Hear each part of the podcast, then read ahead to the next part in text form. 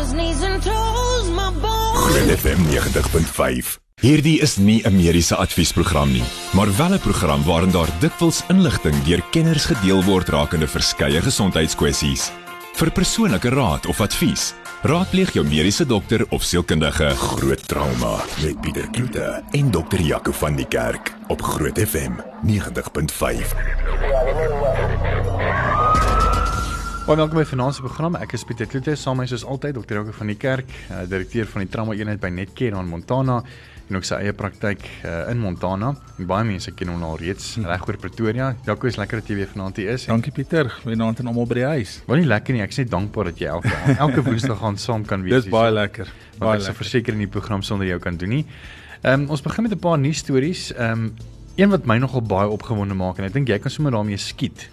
Ja, dit is 'n um, 'n 'n groot nuus storie waar die eerste vrou genees is van HIV of HIV na stamseloorplanting. Nou, dis 'n Amerikaanse pasiënt wat met bloedkanker um gediagnoseer is. Sy het mieloïde leukemie gehad, of sy spesifieke bloedkanker en sy het dan 'n stamseloorplanting gekry uit um uit uit 'n uh, uh, naaldstringbloed uit.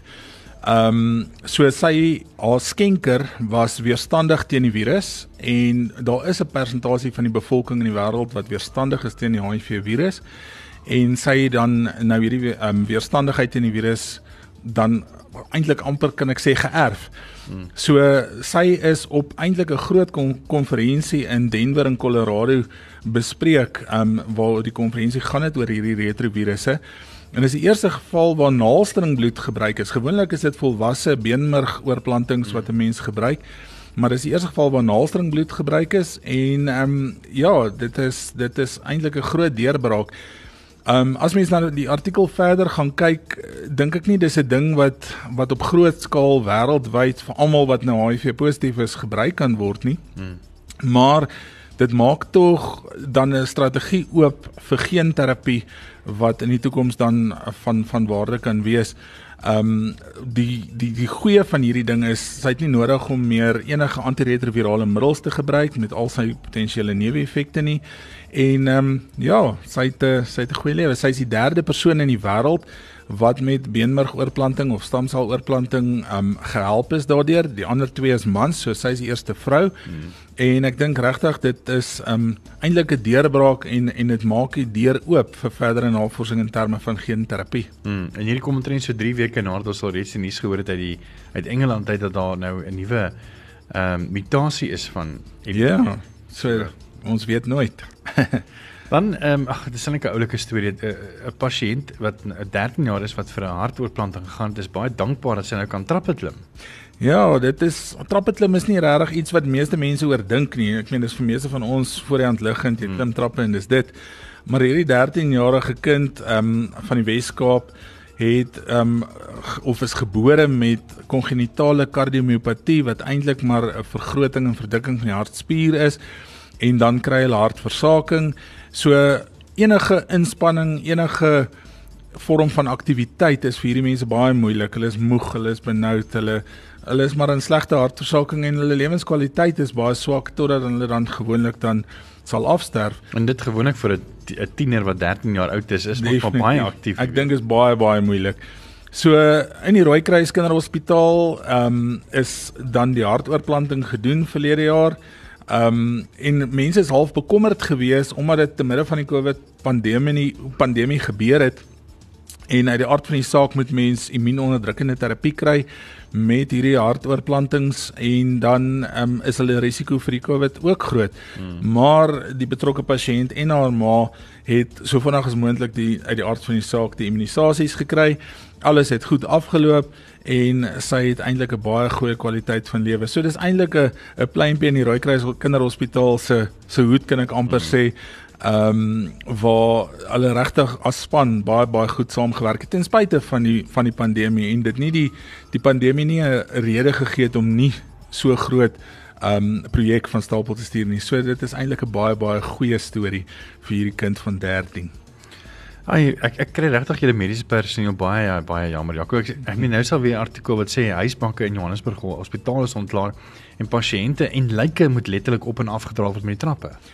Ja, ek dink dis dis dis regtig baie baie hartseer. Ehm um, die artikel gaan hoofsaaklik oor hospitale in die Suidrand of in die suide van Johannesburg.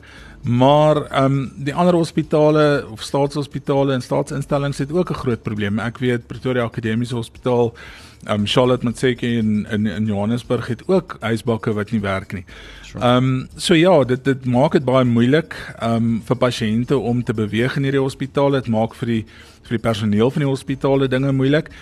Maar aan die ander kant is dit ook 'n politieke speelbal kan ek amper sê dink ek. Ehm um, ja. As mens gaan kyk na die artikel, dan is daar ook van die van die politieke partye wat sê maar dit is 'n dis 'n ding omdat ehm um, of 'n probleem omdat die staat nie genoeg geld gee nie, die die diensverskaffers word nie betaal vir die instandhouding nie en daar is nie instandhouding van die geboue nie en ek dink ons het nou die laaste maand of wat al elke week is daar iets. Is dit nie die wasserye is wat wat afbrand nie, is dit een of ander iets anders wat nie werk nie. En alles kom daarop neer dat dit tog maar instandhouding is wat wat nie gebeur nie. Um en dis 'n simpel ding soos huisbak kan 'n groot groot verskil maak in die funksionering van so 'n groot instelling. Ek dink hulle moet regtig strafregtelik ehm um, hierdie ministers aankla en ehm um, premiers van van provinsies wat nie kyk ek meen ek het net laasweek in die nuus was daar gewees 'n departement van uh van ehm um, uh veiligheid as ek dit mis het nie wat letterlik 300 miljoen rand nie gespandeer het van hulle uh van hulle befondsing en dit is amper net so onreg. Ek meen daar is begroot die regering het begroot vir sekere bedrae om betaal te word en dit is dan weer die ouens se verantwoordelikheid om om daai gelde te gebruik vir ja. wat dit nodig is. En ek kan maar net dink as daar nou geld oorbly um, elke jaar uh oorskot omdat geld nie gebruik is vir juis vir hierdie goederes nie. Definitief en ek dink mense wonder net as hierdie ministers en en en en die regering wat dan nou die besluite neem, um gevra gaan word om te kom help om mense op en af te dra en om um trappe te klim vir 10 vloere of hulle dan um nog steeds so opgewonde sal wees om in sulke situasies en omstandighede te werk.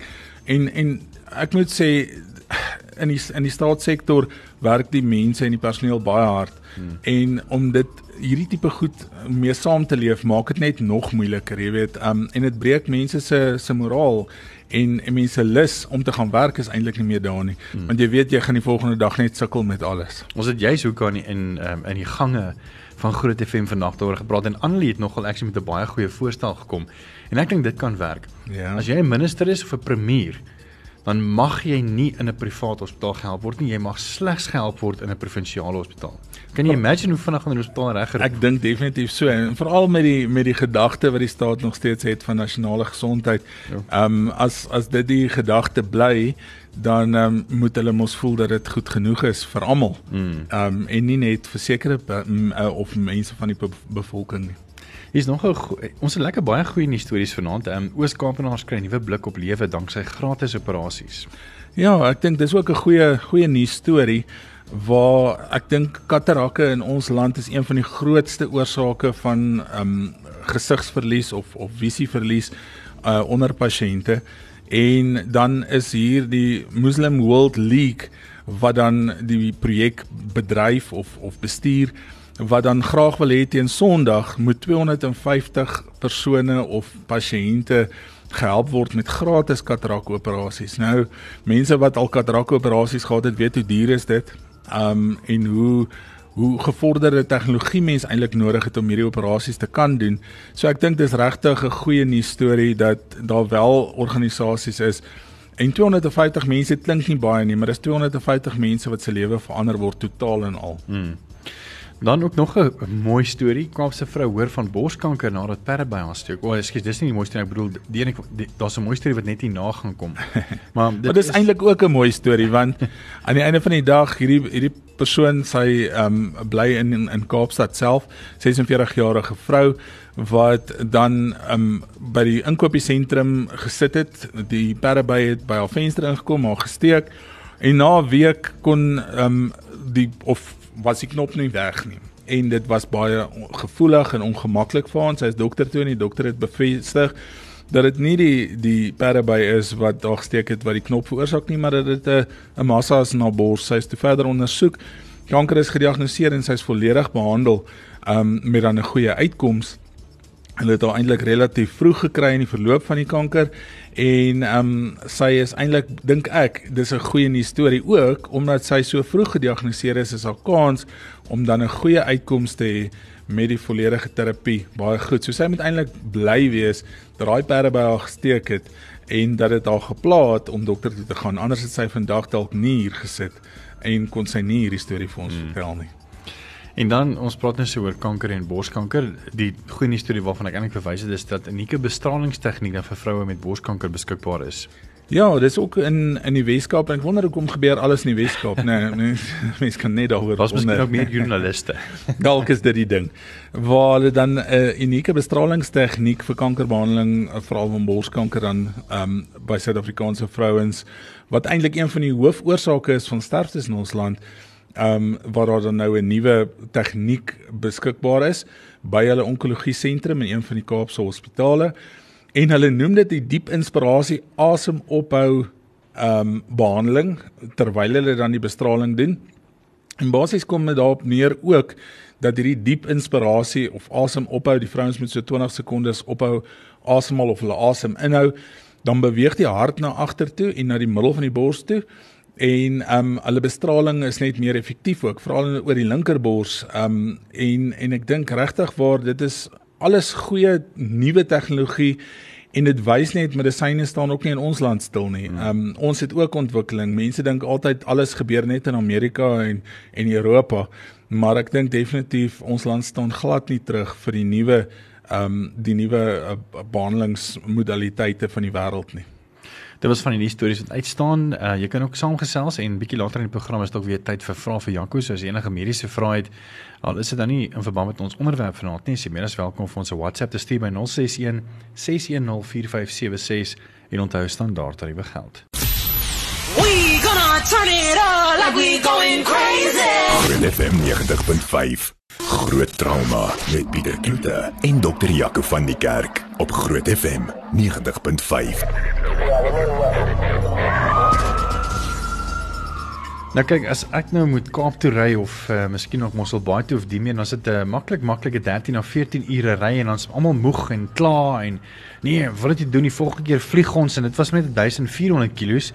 Maar nou is daar mense soos Dr. Hatting, hy's die CEO en ook die ehm um, persoon wat hierdie organisasie gevind het, Pediatric Care Africa, wat letterlik op 'n motorfiets 7000 km wil aflê om fondse in te samel en hy gaan 'n bietjie meer gesels. Hy's nou tans in vryheid en uh, nadat al reeds 1500 kg gedoen het. Andre, hoe gaan dit? Pieter baie goed styf maar baie goed dankie. Hoorie so vertel ons 'n bietjie meer oor Pediatric eh, Care Africa vir die wat nou nog nie weet nie en ook hoekom ry hulle 7000 km? Vertel vir jou vanaand. Pediatric Care Africa is 'n uh, kinderorganisasie. So ons kyk na kinders van ouderdom 0 tot en met 18. Ons is 'n mediese organisasie. So wat ons beoog is ons beoog om ehm uh, natuurlik medikasie te kry vir kinders wat nie het nie, of wat hulle dokter toe vir kinders wat nie wat nie dokters kan bekostig en natuurlik operasies. Nou hierdie jaar eh uh, beoog ons om om 70 operasies te kan reël vir kinders regoor Suid-Afrika en so 400 kinders eh uh, na spesialiste toe kan neem. Eh uh, dit is 'n een gedeeltjie van ons organisasie. Die ander gedeeltjie is dan voedsel. Eh uh, klein kindertjies wat se mammas hulle werk verloor het, hulle kan nou nie meer uh, vir die babas uh, babamelk koop nie. So ons ons gee dan basies vir die kindertjies melk. Ons doen so 350 kindertjies elke maand in oomblik. Sjoe, dis baie goeie nuus. Nou julle trek al in vryheid, julle het 1500 kg al um, afgelê en daar's nog so 5000 kg of 5500 kg wat wat wat nog voor lê. Miskien nog um, wat is een van die slegste goed waar jy nie uitsien nog in die volgende 5500 kg nie en wat is een van die hoogtepunte waarna jy uitsien in die volgende 5500 kg? Ek moet sê Appington is baie baie hoog op 'n plek waar ek uitsien, maar ek het ek het 'n ouma ons daar ons nog maar ouma kos. Maar elke keer as ons hmm. daar kom, dis ons derde keer, dan maak die tannie vir ons die lekkerste kos. Hmm. Nou hierdie keer as hy my vra of ek iets spesiaal wil hê, gaan ek vas sê ek soek 'n bietjie uh, afval. Ek Oef. is mal oor afval. Jo, nou praat jy my taal. So ek hoop die tannie vra vir ons. So daarna sien ek natuurlik baie baie uit en ek is mal natuurlik om hierdie deur die Karoo te ry. Uh die Kalahari of die Karoo. Uh dit ek hou baie baie daarvan in die in die Kaap provinsie ook. Uh ons het nou klaar op Popo gedoen. Ons dan Noordwestelike provinsie. Uh ons het heerlik geëet hier saam met mense wat ons wat ons kom onthaal het en ek moet vir hulle sê baie baie dankie. Die lekkerste fillet wat ek in 'n baie baie lang tyd geëet het en dit is nie eens by by 'n steak restaurant gewees nie. So ek sê vir die mense Ja, man, met beenmerg bo-op. Heerlik. Hoorie maar wat is dit met dokters in die Karoo want ek weet Jaco en Esmeralda was so 3 jaar terug daarso of 2 jaar terug um, uh, in Kenhardt om uh, omgewing en dan dokter Jacques Koning wat verlief geraak het op Kenhardt en daai area so dit lyk van die dokters word maar aangetrek na die Karoo lyk dit vir my. Dit dink so regtig, maar daar's daai daai daai groot spasie wat ons aantrek. Weet jy so met die motorfiets ry ek ry Harley Davidson, so ek sit laag laag op die grond. Uh en dan ry jy daar deur vir ure en ure en ure en ure en ure en dit is so mooi. Hierdie jaar sien ek besonder uit daarna want blykbaar het dit goed gereën uh, in daai omgewing. Uh so ek sien regtig uit om te kyk hoe lyk dit. Uh en dan natuurlik ons in die Kaap kom, daar's 'n paar spesiale plekkies waar ons nog gaan eet en ons doen 'n paar kinderreise. Ons doen ons eerste kinderreis wat ons doen is hier in Appington waar ons môre aand aankom en dan die ander kinderreise wat ons doen is dan in Kaapstad en ons nog 'n kinderreis wat ons doen uh, in Durban. So ons doen drie kinderreise en die enetjie in in die in Kaap is 'n baie spesiale kinderreisie vir ons. Dit is vir kinders wat bietjie palliative care kry. Hulle is hulle is redelik baie siek. Uh en ons so ons sien nogal uit daarna. Ek moet sê dit is heerlik om my kindertjies elke jaar soms om agter die motorfiets, hy ry dan saam met my so eentjie en dan kry hy natuurlik sy sy badge, né? Hmm uh jy mag jy moet ry om jou badge te kry. Kyk, dis die kode van van motorfietsryers. Uh so ons ry daai kleintjies op die motorfiets agterop en dan kry jy natuurlik sy badge. Net om af te sluit, as mense graag julle trip wil volg op sosiale media, het julle Facebook bladsy of 'n webblad en die meer? Peter, ja, asseblief hoor ek moet vir die mense vra vanaand ons luister. Met COVID is dit 'n besondere moeilike tyd vir ons. Met COVID begin het jy die na of die aanvraag na ons dienste gestyg met oor die 600%. Dit is ongelooflik van hoe baie mense hulle werk verloor het en die mamas nie meer hulle kinders kan dogter toe vat nie. So asseblief tog ons het alle ondersteuning nodig. En mense wat motorfiets ry, kyk op ons webblad waar ons ry saam met ons eentjie asseblief man, ons ons het julle nodig. Maar gaan na ons webblad toe, dis www.africa.org. Ek sê gou gebeur vir julle, dis www pediatriccareafrica.org en Pediatric Africa is een woord. En daar sien julle sien die roete wat ons ry. Uh julle kan sien hoe lyk die oor die ry. Ek ry natuurlik ek word geborg per kilometer, né? Hmm. Uh so ek moet elke kilometer moet ek ry. Uh ons neem die die uh, odometer lesing in Witrifuur ons wegtrek. Ons ry om dan natuurlik neem hulle weer die odometer lesing ons terugkom om te verifieer dat ons werklik waar die afstand gery het. Uh en dan uh, met ons rit deur ons die mees noordelikste oostelikste, suidelikste en westelikste punt van Suid-Afrika. So ons het klaar die Zimbabwe grens gedoen. Uh daar by Beitbridge. Ons was daar. So ons volgende mikpunt is Alexander Bay. Dit is ons mees westelikste punt dink ek. Uh en dan Cape Agulhas en dan uh Nisufurkoji Bay. Dit is ons mees oostelikste punt. Ek kan nie regtig verder ry met die Harley nie. Hy's 'n bietjie hy's bietjie laag as kom in som. Ehm um, dis dan die die uh, uithoeke van Suid-Afrika wat ons omry om die weelige sirkel te trek uh, om die kinders in Suid-Afrika. Om te vir die kinders in Suid-Afrika te wys man daar is mense wat jou omgee en wat jou graag wil help. So backward jam.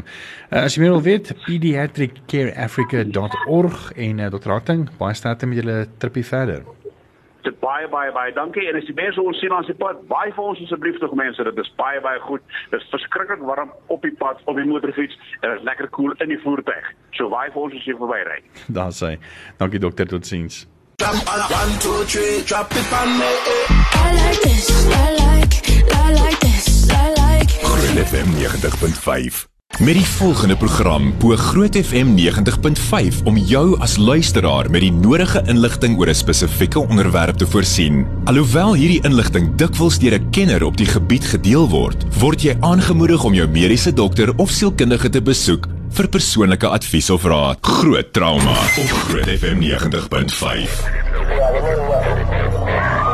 Welkom terug by Groot Trauma. Dit is bykans 25 minute weg van 9:00 af en saam met my elke jaar vier ons natuurlik Chok ehm um, se flip-flop dag wat in die 18de Februarie is en dit is so lekker dat Ina weer hierso is. Ina, welkom dat jy hier is en dan ook uh, in die uh, in die studio nou net gevinnig weer my English hier oorgooi. Ehm um, is Prof David Reinders. He's a pediatric oncologist uh, also with his own practice at Unitas, but he's also, you know, assisting the Steve Biko Academic Hospital, if I'm not mistaken. Prof, welcome. Yeah, thank you very much. It's nice to be here. Thank you.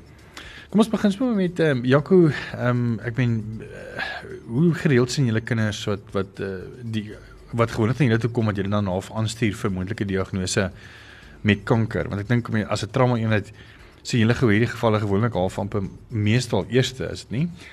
Pieter, ek dink dis 'n dis 'n moeilike ding want mens dink nooit eers aan kanker as jy na kinders kyk nie. Hmm. So baie keer ehm um, soek jy eers vir al die ander oorsake vir hoekom word 'n kind moeg? Hoekom is 'n kind bleek? Ehm um, hoekom kry die kind blou kolle? Hoekom breek die kind? Is dit die ouers wat die kind aanrand of is dit net ehm um, 'n ander probleem? Ehm um, so ja, ek dink ons sien dit, maar ek dink ook ons mis dit lomp um in die begin omdat 'n mens altyd eers ander oorsake gaan soek.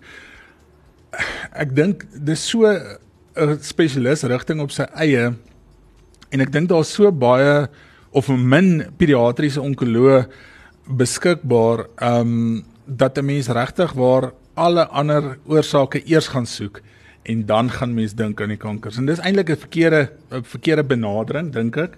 Maar um ek dink nie ouers wil praat ook baie daarvan nie.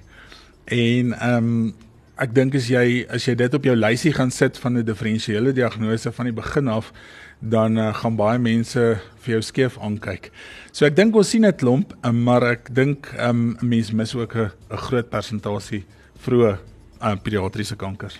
Professor, why did you choose uh, pediatric oncology? I mean, you could have just done oncology, but you know, you focus on the children. Yeah, why? I- why is that? Like, pediatric oncology is, is, is such a nice field to work in. I mean, you, you work with these amazing little heroes that, that are so resilient and so strong. Um, you also work with the family, um, and the, the science is very interesting as well. Um, so it, it really is, is just all around. It's, it, it's, um, there's, there's science. Each day you're learning something new, and you get to work with amazingly powerful, strong children.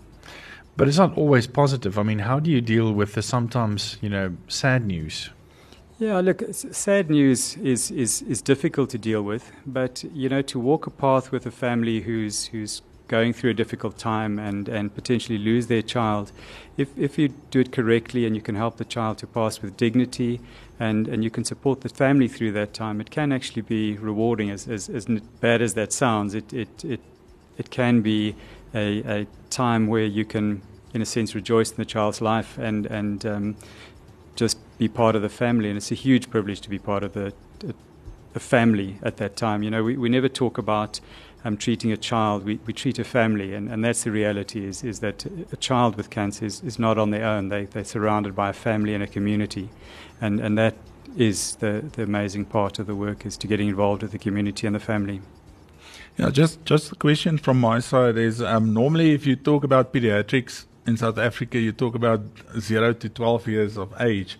Do you see older children like the adolescents uh, up to eighteen? Or Yeah, so, so that's a bit of a controversial issue, depending on, on which unit and which uh, pediatric oncologist you're speaking to. Some people will say, um, you know, up to the age of 12 is a child, but um, I have a young son of, of eight. Of 19, 20, and he's still a child in, in my mind. So, in our unit, we, we accept seeing children up to the age of 16, um, and we'll, we'll treat them. But, but cancers in children or in, in any population group go in waves and, and peaks. So, for example, in a younger age, you'd anticipate to seeing these particular types of, of cancers, whereas in an adolescent, we'll get different types of cancers like bone cancer or lymphoma, as opposed to the younger children who will get um, retinoblastoma or neuroblastoma. So they, it, it varies. There's a, there's a pattern depending on the age of the child. and in your experience, what is the most common pediatric cancer? Okay, so I suppose it's not my experience. I mean, the, the most common, the most common um, cancer in children is leukemia, Mhm. Um, and that is followed by brain tumors. Is probably the second most common. Interestingly enough, though, in South Africa, it's not our second most common tumor. Um, we seem to be missing a lot of brain tumors, and I think that ties in with what you were saying earlier about delayed diagnosis. That people, because it's not at the back of their minds, they don't, or in the front of their minds, they don't think about it, and, and children are being misdiagnosed, and we're losing them without getting a diagnosis. But globally, leukemia, then then brain tumors are the second most common. You mentioned earlier that you know obviously you know you're a, you're a pediatric oncologist, so you're obviously treating you know the, the children, but it's more of a family um, effort. Uh, what is some of the the things that's that's difficult when it comes to you know treating a child and the family, especially if they are out of town, perhaps? Yeah, so so again, um, childhood cancer has a massive impact on the family. It, it has a huge financial impact. So even if you're in a situation where you have a, a, a, a medical aid that will be paying for most of the treatment, or you're in a, in a state facility where the treatment is paid for, there's there's losses like travel costs that the parents have. Um, one of the parents, ten to one, will have to lose their, their employment, which which has a massive financial impact on the family. Um, but patients who travel, and, and at Steve Beaker, our unit, we've got patients who are, are coming from Mpumalanga, Bushbuck Ridge, travel hundreds of kilometers to get to hospital every day. And, and that's where CHOC really is, is a huge benefit to us because they have an accommodation nearby um, where the children can stay or their, their parents can stay with the children if they don't need to be in the hospital, but they need to be near the hospital. They also support us and the families by giving transport money. So they'll help fund some of the transport just to, to mitigate those costs that the family has to incur, which can actually be crippling if, if you can imagine if you've got a reasonably low income and, and you've lost one of the bread or, or the, the earners in the family. It, it, it's a massive help to, to have someone like Chuck supporting us. En ons gaan net nou 'n bietjie hoor wat uh, wat se wonderlike werk Ina hulle doen. Maar nou is nou eens tyd vir Janko se mediese mite minuut. Ja, ons praat vanaand oor kinderkanker en ek dink daar's drie groot goed wat wat ek dink mites is daar buite en ek dink die eerste ding is dat mense dink kinders kan nie sommer kanker kry nie. Ehm um, en ek dink dis wat ons ook nou-nou oor gepraat het. Kinders kan kanker kry en 'n mens moenie daarvan vergeet nie.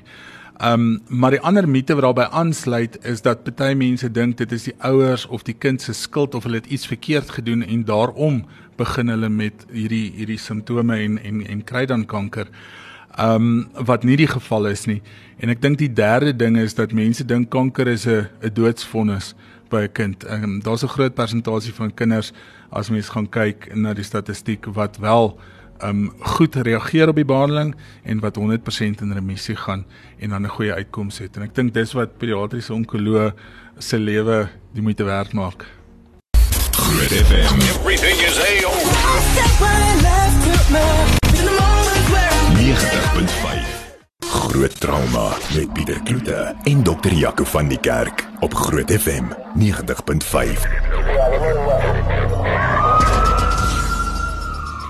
Yeah, we were chatting just off air now with Prof. Reinders um, about pediatric oncology is such a super speciality um, uh, Field. field that um, you have to do uh, obviously pediatrics before you can do this. Um, and therefore, there's such a big deficit of pediatric oncologists in South Africa. How many are there? And um, if a child needs a pediatric oncologist, how difficult is it to get to a pediatric oncologist? So, so firstly, in terms of numbers, it, if, if I count quickly, there's there's between I think 18 and 15 and 18, uh, uh, in case I've missed a few, um, throughout South Africa. So there's not a huge amount of, of um, pediatric oncologists. Um, in terms of getting access to a pediatric oncologist, and I think I can speak for all the oncologists in, in South Africa, is that it, it takes a phone call um, and, and they will see you immediately. Um, so I know with our unit at Steve Biko, we have a zero wait time, so it's as quickly as you can get the child to us, and the same at, at Unitas. We, we're happy to see a child as soon as, as we need to see a child, and I, th- I think that's I think something that we do right. We, we get we our doors are open and and um, we'll see any patient anytime. And compared to adults, um, childhood cancer, the, the outcomes, um, better or more or less the same? No, in, in childhood cancer, it's, it's infinitely better than adults. You know, often adults will talk about survival in terms of years, whereas is in our scenario, it, survival means going on to live a perfectly normal, productive life, having a family. Um, that's what we strive for and that's what we chase for. And I think our survival outcomes, again, it depends on which type of cancer and the stage of cancer. But if you take something like a simple um, leukemia, we should be expecting about a, a 80 to 90% chance of cure. So there's a significantly better survival rate. So I think when, when a child gets cancer, everyone gets sad, but we mustn't. There's a good chance, there's a way better chance of curing the child than not compared to adult cancers. And long-term side effects of, of the treatment, you, you read about liver and kidney disease and heart, increased risk of heart disease later on in life. Why is that and is it a, a big problem or not really? Yeah, it, it, it's a it's a real problem. Um, in terms of being a big problem, I think we're very careful with the way in which we dose the children and the, and the way we monitor them throughout their treatment, with the idea of that we don't have a concept of cure at all costs, so that we don't cure a child but leave the child disabled. So I think we're very careful and, and, and thoughtful of the way in which we, we treat children to make sure that the for want of a better word, the poison that we give them is, is not too poisonous um, and it just kills the, the cancer. So, long term side effects are real. Um, once a child has completed their treatment, they are monitored and followed up generally until, till at least the age of 18. And during that time, we'll be monitoring the organs that may have been affected during, during their treatment uh, or as a result of their treatment. En dan net so 'n bietjie weer terug na jou toe in die werk wat jy doen uh, as 'n organisasie as Chok. Ehm um, ek meen ek weet nie maar baie mense sal uh, wel ek veral sal Chok ehm um, leer ken het uh, in 'n tydskrif van 'n vliegtyg, jy weet ehm um, uh, die groen vliegtyg wat altyd gevlieg het uh van Georgia of Johannesburg toe weet in die Koluma het hulle dit altyd genoem. Uh, was al 'n uh, artikel of twee of 'n advertensie van Chok gewees en ek dink hulle het ook 'n bydrae gemaak as ek dit nie mis het nie of praat ek nou van die verkeerde organisasie? Ek weet nie so mooi daarvan nie. Dit was dalk voor my tyd, Pieter. Maar ja, so ek hoop Chok is bekend aan almal Ja. in Suid-Afrika. Wat se werk doen julle? Okay, Chok Childhood Cancer Foundation. Ons is daar en soos Prof Reinders gesê het, ehm um, ons praat van families, nie net van die kinders nie en nie net van die tieners nie. So Chok is daar om seker te maak dat 'n kind wat van ver af kom, sê van Mpumalanga, wat moet deurkom Steve Biko, dat ons vir hulle akkommodasie gee. Ehm um, ons het maatskaplike werkers binne in die pediatriese onkologie eenheid wat as prof Reiners hulle ons noem dit die breaking of bad news dat die maatskaplike werke begin om die pad saam met die ouers te stap. Dat daai pad is om ook die ouers op te voed oor wat die ehm um, pad vorentoe is en dan te hoor wat die ouers kort. Want in op die einde wil ons hê dat die kind al die moontlike tools hmm. tot sy beskikking het om hierdie kankerpad te voltooi. So van die huis af tot die maatskaplike werkers se emosionele ondersteuning tot by die voedselpakkies ehm um, wat nodig is dat 'n kind moet gesond eet om goed te reageer op kankerbehandeling tot by net 'n omgeepakkie. Ehm um, en dan gaan dit ook verder. Die realiteit is ons het kinders wat afsterf aan kanker en ook om daai pad saam met die ouers te stap en vir hulle daai emosionele ondersteuning te bied. And then finally, Prof. Reinders, uh, just to finish off, uh, if you can empower us and p- empower uh, parents tonight uh, about what is some of the symptoms that they need to look out for when it comes to child cancer. Yeah, I think that's that's a really good point. point, and I think um, as we're talking about delayed diagnosis and seeing children early, I think it's important that we we educate everyone, not only the, the parents but the healthcare providers, that, that we don't miss these things. Now, now CHOC has got a, a, a great um, a, an acronym that they're using, the Sicilian Early, Early Warning Signs, um, which is available, I'm sure, all over. Um, but basically, how it goes is, is that we, we start with, so if we read through Sicilians, we look at seek. So, in other words, seek early if, if you have concerns about your child. We always say that a mother knows best, so seek if you're worried about your child. Um, eyes, so we want to look at the eyes. If there's a white spot in your eye, in the old cameras, you used to get the red reflex, but if you get a white pupil, then you must worry about um, eye tumors. If a child develops a lump or a bump anywhere in their body, that's something that you must, you must worry about, or a lump that is continually growing. Any unexplained fever, if a child doesn't get better on antibiotics, that's important to think about, or unexplained weight loss. If a child is bleeding or bruising, one must, must worry about possible malignancy.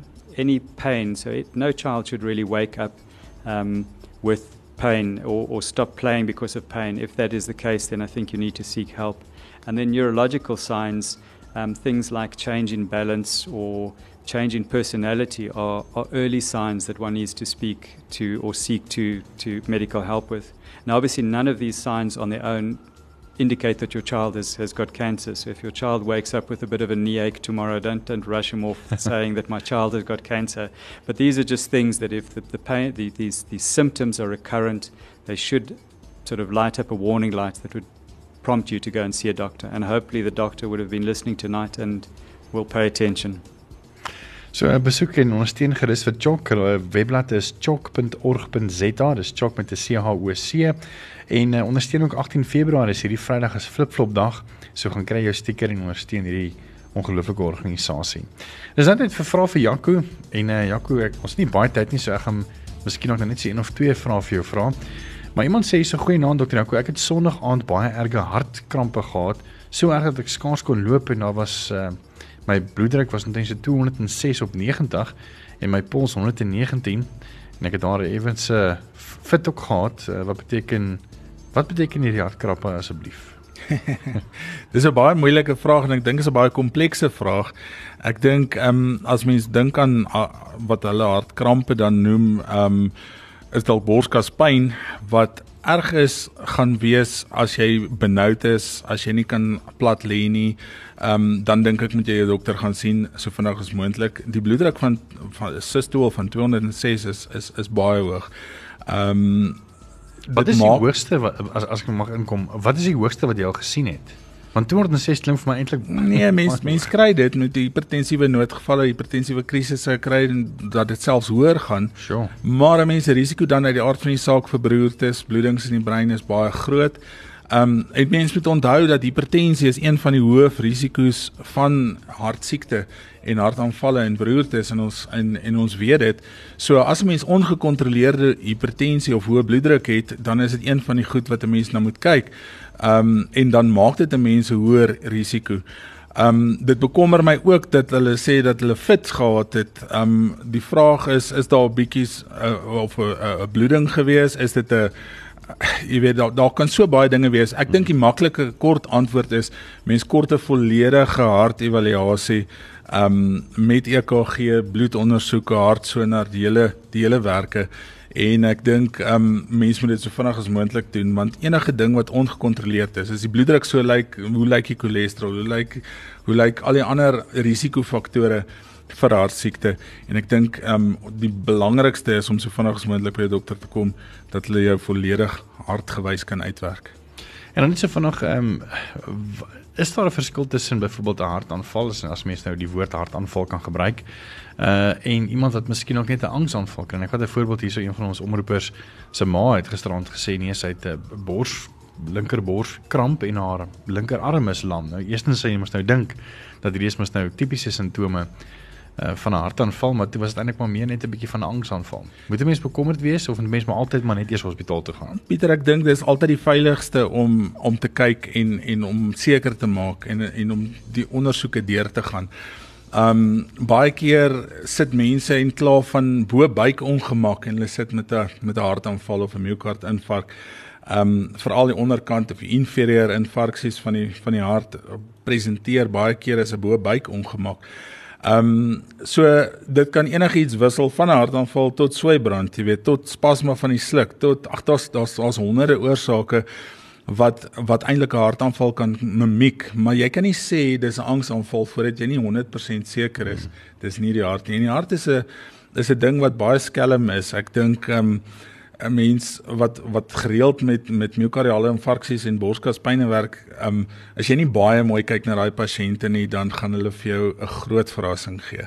So ek dink definitief dis altyd die veiligste. Maak nie saak al voel jy angstig, al voel dit vir jou net soos 'n sweibrand.